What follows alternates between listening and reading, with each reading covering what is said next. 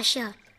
Punt applejux.org Hola, benvinguts a un nou capítol de Entre Profes, Converses amb docents. Jo sóc en Cristian Negre i avui eh, parlem amb en Jaume Sans. En Jaume és eh, natural de Calella, però des de fa molts d'anys que viu a Vegas i que bé, eh, vaig convidar en Jaume perquè a part de ser de, de Calella, que és el nostre poble eh, natal, eh, doncs eh, s'encarrega d'una part de la docència que encara no havíem tractat mai, que és l'educació per adults.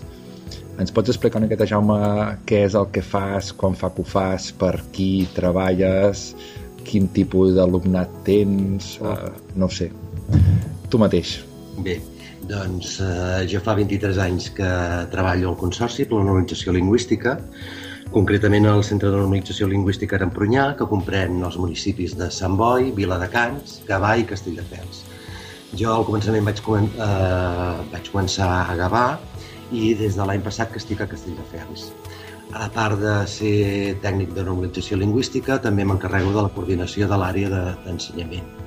Llavors, nosaltres, dintre del Consorci, un dels àmbits que ofereix és la formació, l'ensenyament de català per a persones eh, adultes. Llavors, el públic que tenim és mm, a partir de 18 anys eh, fins, fins en endavant i tenim un públic eh, heterogeni, des de persones eh, catalanoparlants a no, a no catalanoparlants, que és la majoria. Um, amb aquests 20 anys que portes dedicats, uh, uh, has notat una diferència en relació als alumnes, a la tipologia d'alumnes que et ve, o de les seves aptituds, o les seves qualitats? O...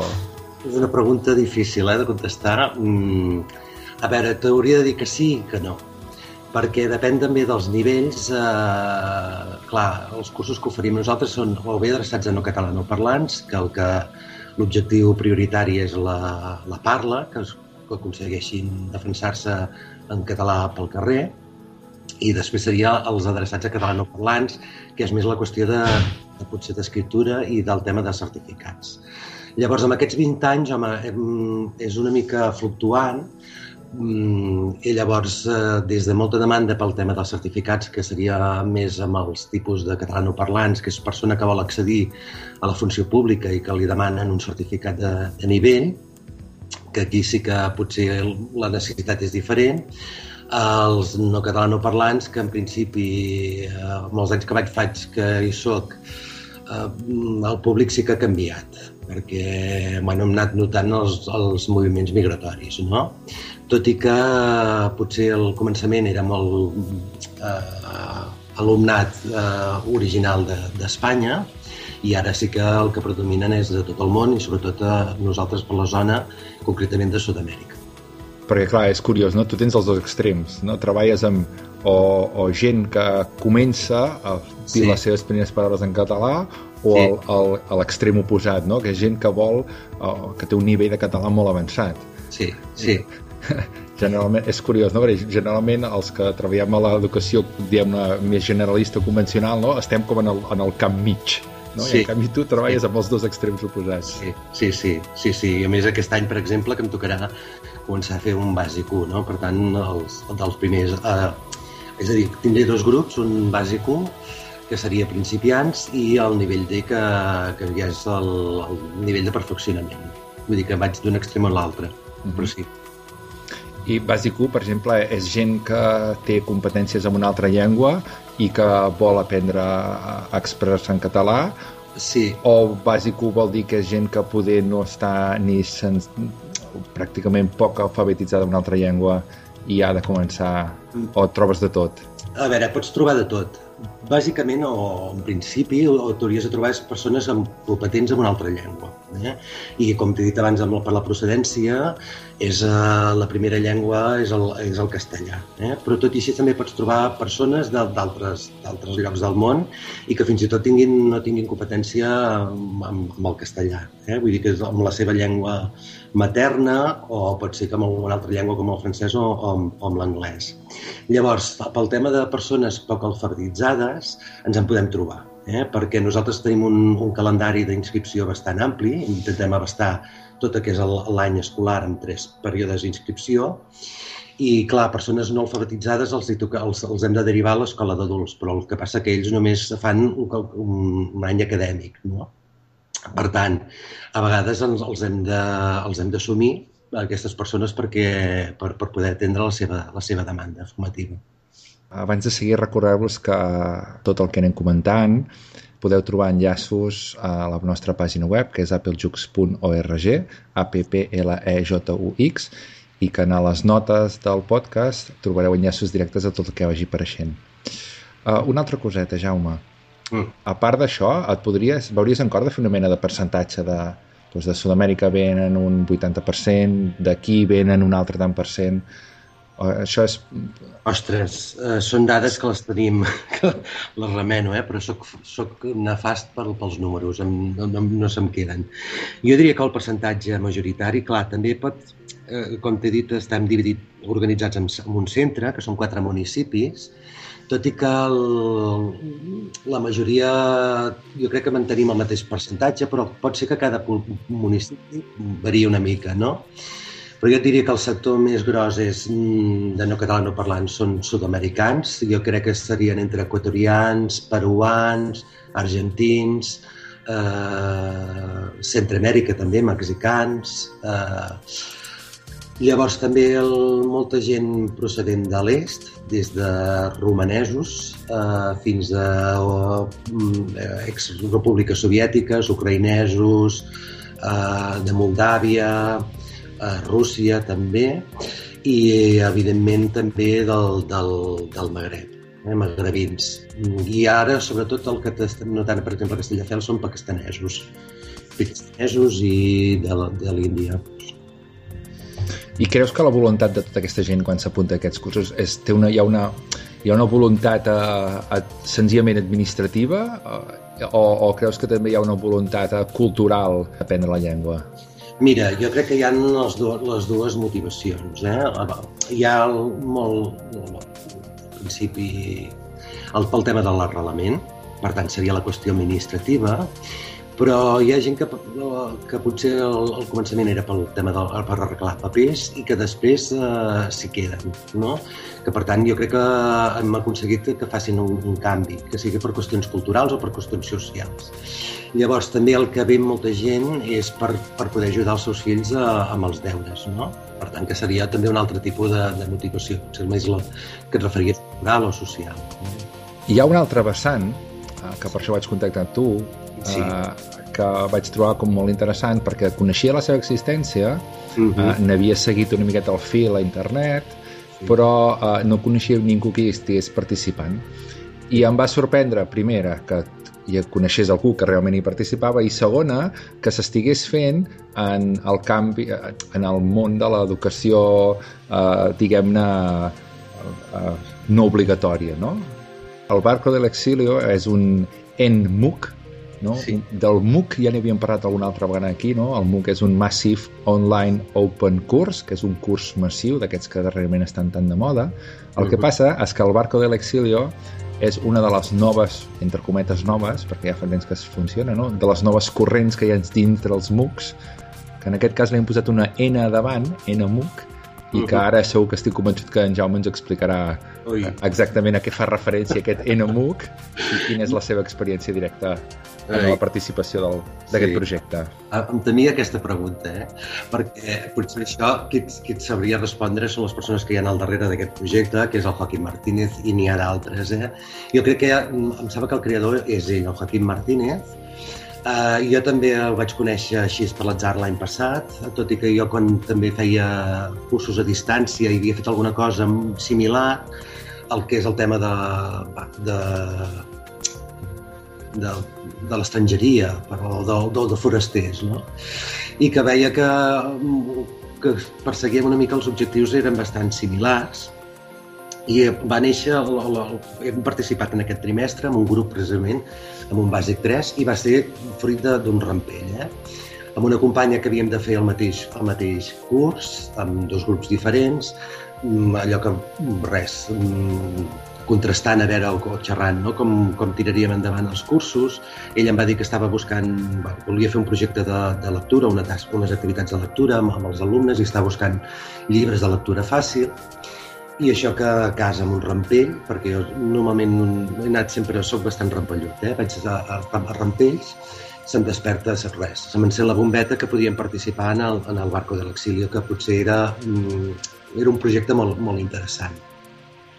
Llavors, com que nosaltres som com una mena de bolet, formació no arreglada i a sobre per adults, no sabia si encaixaria o no. Va ser escriure al Joaquim Martínez i exposar-li els dubtes de si podia participar o no. I, clar, a mi la sorpresa va ser una resposta ràpida i que va ser totalment engrescadora, no? que fins i tot em va suggerir com tirar endavant el projecte, perquè tampoc no sabia ben bé com, i res, dit i fet, va ser eh, engegar-ho. Potser la meva idea principal eh, al començament era molt agosarada i, bueno, la gràcia de, de treballar en projectes o treballar d'aquesta manera que és molt més espontània, és que, bueno, sobre la marxa, no? I també amb els alumnes, depenent de la, de la resposta. Llavors, l'experiència ha estat, crec que, uh, crec que la podem donar per finalitzada perquè hem acabat, amb, jo he acabat amb aquest curs, amb aquest grup. No sé si ho provaré amb uns altres, amb uns altres grups més endavant o no. Ara, mm, l'experiència ha estat mm, molt positiva, m'ha agradat molt. És és una experiència que no me la trec del cap, no? Suposo perquè és recent, perquè s'ha acabat ara, finalitzat el, tri el trimestre, però no, ja et dic, no me la puc treure, no me la puc treure del cap, perquè jo crec que he aconseguit un dels objectius que, que per això m'hi vaig engrescar, eh? amb el tema de l'exilio, va ser també veient-hi uh, moltes afinitats, que era un grup, un bàsic 3, que la majoria tots són no catalanoparlants, llavors el vincle que veia amb ells era que tots érem forasters, perquè jo tampoc no, com tu has dit a la presentació, soc de Calella, per tant jo no soc de Castelldefels, i que pensava que això també era una mena de, de, de vincle per crear com una mena de comunitat d'aprenentatge. No? Uh, també m'he engrescat amb el tema dels projectes, suposo que és arran de la lectura de, la, de Maria Caso, del Redovolutio, que ho recomana, i bueno, d'intentar aplicar una de les claus que exposen al seu llibre doncs, en, en, en aquest curs. I una mica també és, més que aprendre llengua, el que, que, que sí, però era a través de conèixer l'experiència de cadascú, una experiència personal. És a dir, jo crec que és el, és el que intenta fomentar el barco de l'exilio. És dir, no només és conèixer els escriptors i, i l'experiència aquesta traumàtica de l'exili, Uh, a més, aquest, aquest projecte cada vegada es fa, es fa més gros, no? perquè no només és amb literatura, sinó que ara hi ha temes socials, el tema de les emigracions, sobretot el, del, del jovent que ha de marxar cap a, cap a Europa o també que han de, han de fer uh, bueno, que també per fer un projecte de futur han de sortir del, del país no? I em semblava molt interessant que que no només era conèixer, com he dit, escriptors, sinó que cadascú pogués relatar o que li servís d'aquest projecte de vehicle per la seva experiència personal. Uh, al començament els alumnes van quedar molt sorpresos d'aquesta metodologia, però uh, de mica en mica s'hi van, anar, van anar enganxant. Jo suposo que ara si haguéssim pogut continuar amb aquest segon trimestre, la cosa hagués anat diferent. No? Però al començament era com una, una certa incertesa, no sabíem ben bé cap on anar, això de treballar sense llibres, sense, sense estructures o sense, sense objectius en principi lingüístics, tot i que n'hi havia, doncs això els va desconcertar bastant.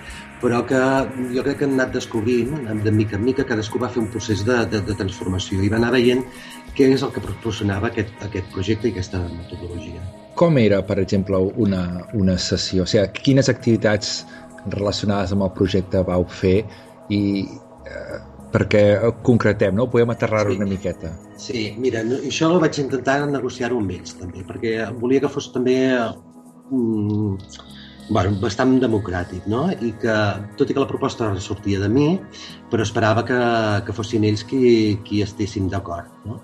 Llavors, jo el que els vaig proposar va ser, o vaig organitzar el curs amb dues, amb dues unitats, no ens va donar temps a més. La primera era per servir per explicar el, el relat biogràfic doncs ens semblava, em semblava que era bàsic conèixer uns escriptors, em vaig triar-ne, em sembla que una mitja dotzena, d'escriptors catalans que havien marxat a l'exili. Mm -hmm. És a dir, que, perdona, eh? fer recórrer a aquests escriptors era perquè eh, ells exposaven la seva experiència d'exili. Uh, era aquest el que buscava, exacte. Buscava això, és a dir, mm, que la, conèixer aquests escriptors que ens pogués servir perquè ells poguessin explicar el seu periple. Uh -huh. El que passa que al començament jo vaig tantejar també com podia ser això, recordo que un dia els vaig proposar com a activitat d'escalfament, eh? que normalment en una sessió que em preguntaves tu, el que intento és sempre mm, fer una activitat d'escalfament que serveixi per introduir algun concepte o, o va, que sigui també distesa i els vaig preguntar com pintarien, de quin color pintarien l'últim dia que van que se'n recordaven del, del seu país o que van marxar, no? Jo sé que va ser una, una activitat bastant impactant per ells i vaig veure que havia... Bueno, és el que es buscava amb aquest projecte, no? que era també remoure una mica el, el seu interior. No?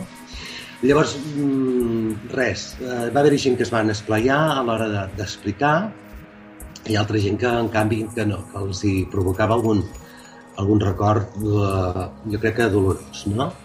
I llavors jo crec que és quan es van enganxar que van veure que, que era que cap un ens portava aquest, aquest vaixell, no? Nosaltres, eh, la, la nostra participació dintre d'aquest projecte el vam batejar com el Vaixell de la Llibertat. Va ser un, també una, una de les activitats que els vaig proposar de com batejaríem el nostre projecte va ser aquest el que va sortir, però també va haver-hi un altre que em va agradar molt de nom, que va, era el de Molta sort, que són, em van dir que eren les últimes paraules, uh -huh. és dir, les persones, els familiars, no?, quan s'acomiaden. Tocaria també l'aspecte emocional. Molt bé, per tant, ells van, vau parlar d'un autor, ells van introduir la seva experiència, alguns amb més, eh, no, amb més llibertat o més... Sí. I, altres amb més eh, inhibició. Sí, bueno. sí. A veure, jo suposo que potser també, eh, si m'ho hagués preparat, mm, preparat potser més, eh, bueno, hagués pogut estar al cas de, de, de totes aquestes coses i potser eh, aprofitar-les no? com a material didàctic i que us pogués compartir perquè el que havia vist, el que havia notat és que a mesura que feien les, les, les tasques, ells ens anaven, es anaven destapant, per dir-ho manera, però es destapaven amb mi, no? I eh, faltava potser eh, aquesta posada en comú que tots poguessin relatar, relatar la seva experiència. Però, ja et dic, va ser, va ser molt, molt interessant, perquè van, anaven donant moltes visions de, del que s'entén per exili o, o de la seva experiència, no? Mm, vull dir, va ser molt interessant.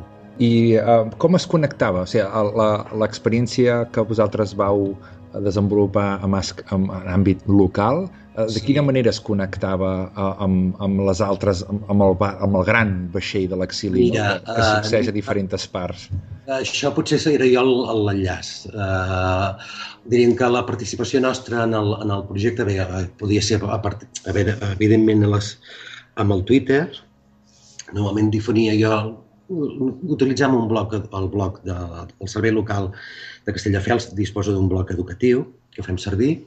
Per tant, allà jo penjava les, el que fèiem cada, cada dia, a cada sessió, i això, evidentment, ho difonies a través del, del Twitter, amb l'etiqueta d'Enamuc, que és la del, la del projecte col·laboratiu, i també pel Google+. Plus. I al final ja també hi vaig afegir-hi, me'n vaig fer el Facebook i també ho vaig, ho vaig ho afegia. Eh?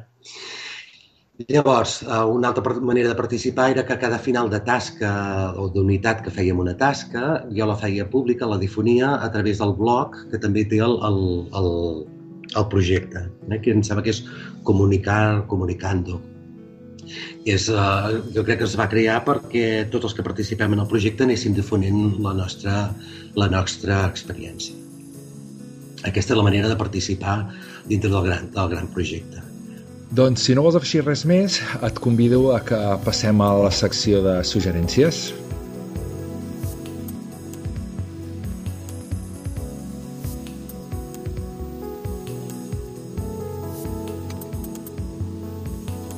Se m'ha escapat abans, però hi ha un llibre que, que m'ha marcat molt, eh, ha estat el, que vaig llegir al setembre, que és el de Red Evolution de la Maria Caso, que jo el recomanaria a tothom que es dediqui a la docència, perquè ens planteja unes claus que és eh, com transformar el sistema educatiu, no?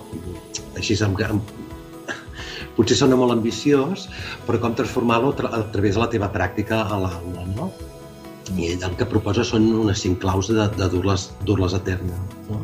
Però seria això, plantejar-te una mica quina és la teva tasca com a docent i el, el rol de l'alumne, eh, sobretot el que recomana és el, la, les comunitats de crear comunitats d'aprenentatge i el que un pla horitzontal a l'aula, és a dir, que el, el, el, el nostre rol com a docents deixi de ser l'autoritat, sinó que eh, ha de ser una peça més de, de, de l'engranatge. Aquesta seria una de les claus i una altra és bé, el que proposava ella de treballar per projectes. Una de les claus, potser l'última, que l'ha deixat molt poc treballada, que és la, una altres maneres d'avaluar, em sembla molt interessant, i em sembla que per aquí vindrà una, un, proper, un proper llibre. Ja dic, jo crec que val, val, la, plena, val, val la pena. Vull dir que a mi ha estat com una mena de, de tostada al, al front de, per replantejar-te algunes coses, no? Mm -hmm. Jo el tinc pendent, també. El tinc pendent. De, de les tantes coses que et queden pendents al cap de la guia, eh? Ja, ja, ja, ja. Doncs bé, per part meva, aquesta vegada una cosa molt senzilleta, molt senzilleta, i que crec que realment m'està donant o, o tinc les esperances que em donaran molt, molt de suc. El meu fill petit ara està prenent les hores i eh, les hores en català, i per extensió en castellà i en breu també començarem amb l'anglès i he trobat una petita pàgina web eh, que hi ha una aplicació eh, que hi és per, només per iOS, no hi és per Android, però que es pot utilitzar davant de l'ordinador, que es diu Teaching Time, Teaching Time, que és ensenyar l'hora, .co.uk, co dot, dot vol dir punt, perdó, eh? teachingtime.co.uk i, i hi ha una, tota una sèrie de petits jocs que encara que la pàgina web és en anglès ens serveixen eh, per, eh, tant en català com en castellà com en anglès en el que ha de relacionar hores en digital amb analògiques i en tota una sèrie de petites activitats per aconseguir aquesta petita competència que, que per, estan en el procés aquell els costa una miqueta d'acabar d'agafar la conversió temporal. Em va molt bé aquesta recomanació, eh? Doncs realment eh, jo l'havia fet servir a l'escola unes quantes vegades i ara estic fent servir aquí a casa amb el nano i, i trobo que n'estem traient profit. Molt bé, doncs uh, amb això uh, arribem quasi, quasi al final del capítol. Uh, avui hem parlat amb en Jaume Sanz. En Jaume Sanz el podem trobar online. On et podem trobar, Jaume? Mira, jo tinc el meu... Em podeu seguir pel blog, que és la rebotiga, no, Sicomor 2008, però jo crec que per, buscant el cercador la rebotiga i ja està és el meu blog personal i el aprofito per ser el, dia, el faig el dietari d'aula, normalment si puc de tots els cursos que, que faig. Eh, també a través del Twitter, que és el meu, el meu compte és xaumell, eh, arroba xaumell, i també tinc compte al Facebook i al Google+. Plus. Vull dir que no és difícil trobar-te, eh? en cas que no, sigui necessari. No. que no. doncs perfecte. Jo sóc en Cristian Negre, em trobareu a arroba Applejux a Twitter Uh, I el, aquest podcast i tots els altres capítols d'Entre Profes, Converses amb Docents els trobareu a la pàgina web applejux.org A-P-P-L-E-J-U-X també ens trobareu a iTunes o a iVox si us voleu subscriure al podcast i fins a... Bueno, res més a dir, Jaume, alguna cosa a afegir, així ens últim, espontàniament, no? No, no que ha estat un plaer, vull dir, participar-hi. Doncs moltíssimes gràcies i fins la propera a tots. Apa, a reveure. Adéu. Adéu-siau. Bueno, Jaume, doncs ja està fet. Molt bé. Ai, que bé. Carai. Això de fer el debat Entre profes, converses amb docents. 3 W baixa punt applejux.org